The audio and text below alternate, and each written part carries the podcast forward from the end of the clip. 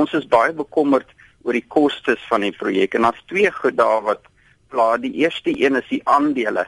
Die Vrystaatse provinsiale regering se bydrae is 342 miljoen en die privaat sektor vernoot die Indiese maatskappy se aandele is 228 miljoen. So dit is 100 miljoen rand verskil tussen hulle. Maar die Vrystaatse mense kry maar 51% van die aandele terwyl die oorseese maatskappy, die Indiese maatskappy 49% van die aandele kry.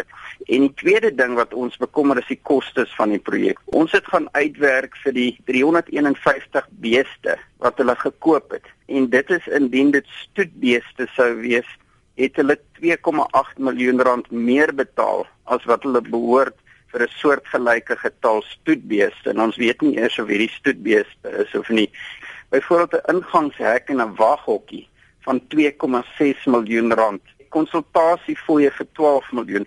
Is daar enige inligting beskikbaar oor by wie die beeste aangekoop is of waar die gereedskap aangekoop is of wie die konsultasiefirmas is wat hierdie dienste gaan lewer? Die antwoord wat ons ontvang het, gee hulle net vir ons die dienste en produkte waarop geld bestee word en waarvoor dit bestee word, maar ons sal nog verdere vrae aan die wetgewer moet vra aan die departement om uit te vind presies wie baat uit hierdie projek. Ons het ook aan die hand van al hierdie goed vir die openbare beskermer gevra om ondersoek te doen rondom hele aangeleentheid. Daar is ook verskeie omgewingskwessies rondom hierdie projek.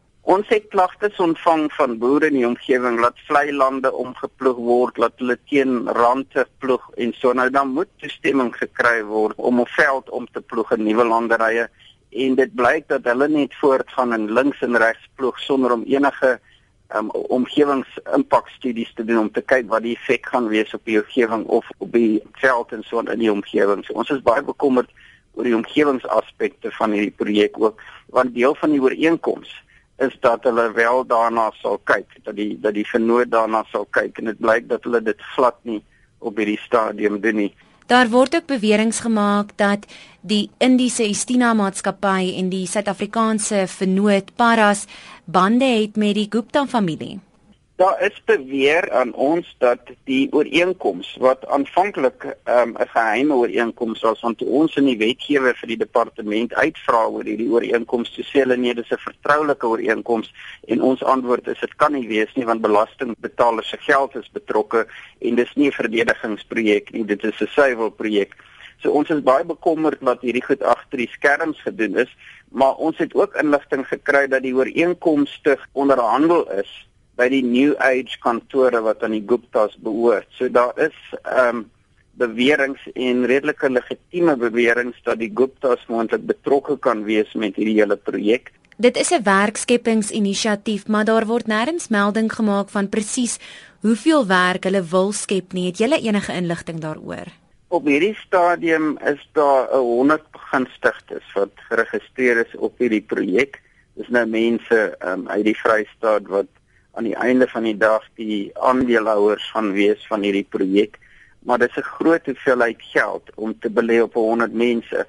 As hulle byvoorbeeld daai geld gevat het en die Oliviershoek pad reggemaak het wat tussen die Oos-Vrystaat is in KwaZulu-Natal dan sou die Little Switzerland Hotel nie toegemaak het nie want hulle toegemaak het gevolg van die swak toestand van daai pad en daar het 120 mense hulle werk verloor So mense moet die goed teen mekaar opweeg. Sou hulle daai pad reggemaak het, sou daar 120 mense werk behou het en nou sê hulle vir ons hulle skep 100 werksgeleenthede met hierdie 342 miljoen rand belegging saam met die privaat sektor vernoot behoort dit 570 miljoen rand te wees. So ons wil hê daar moet projekte wees en ons wil hê daar moet werk geskep word, maar ons moet ook oordeelkundig werk met ons geld. Ons het nie baie geld in die Vrystaat en ons moet ons geld bestee waar dit ons die meeste kan baat.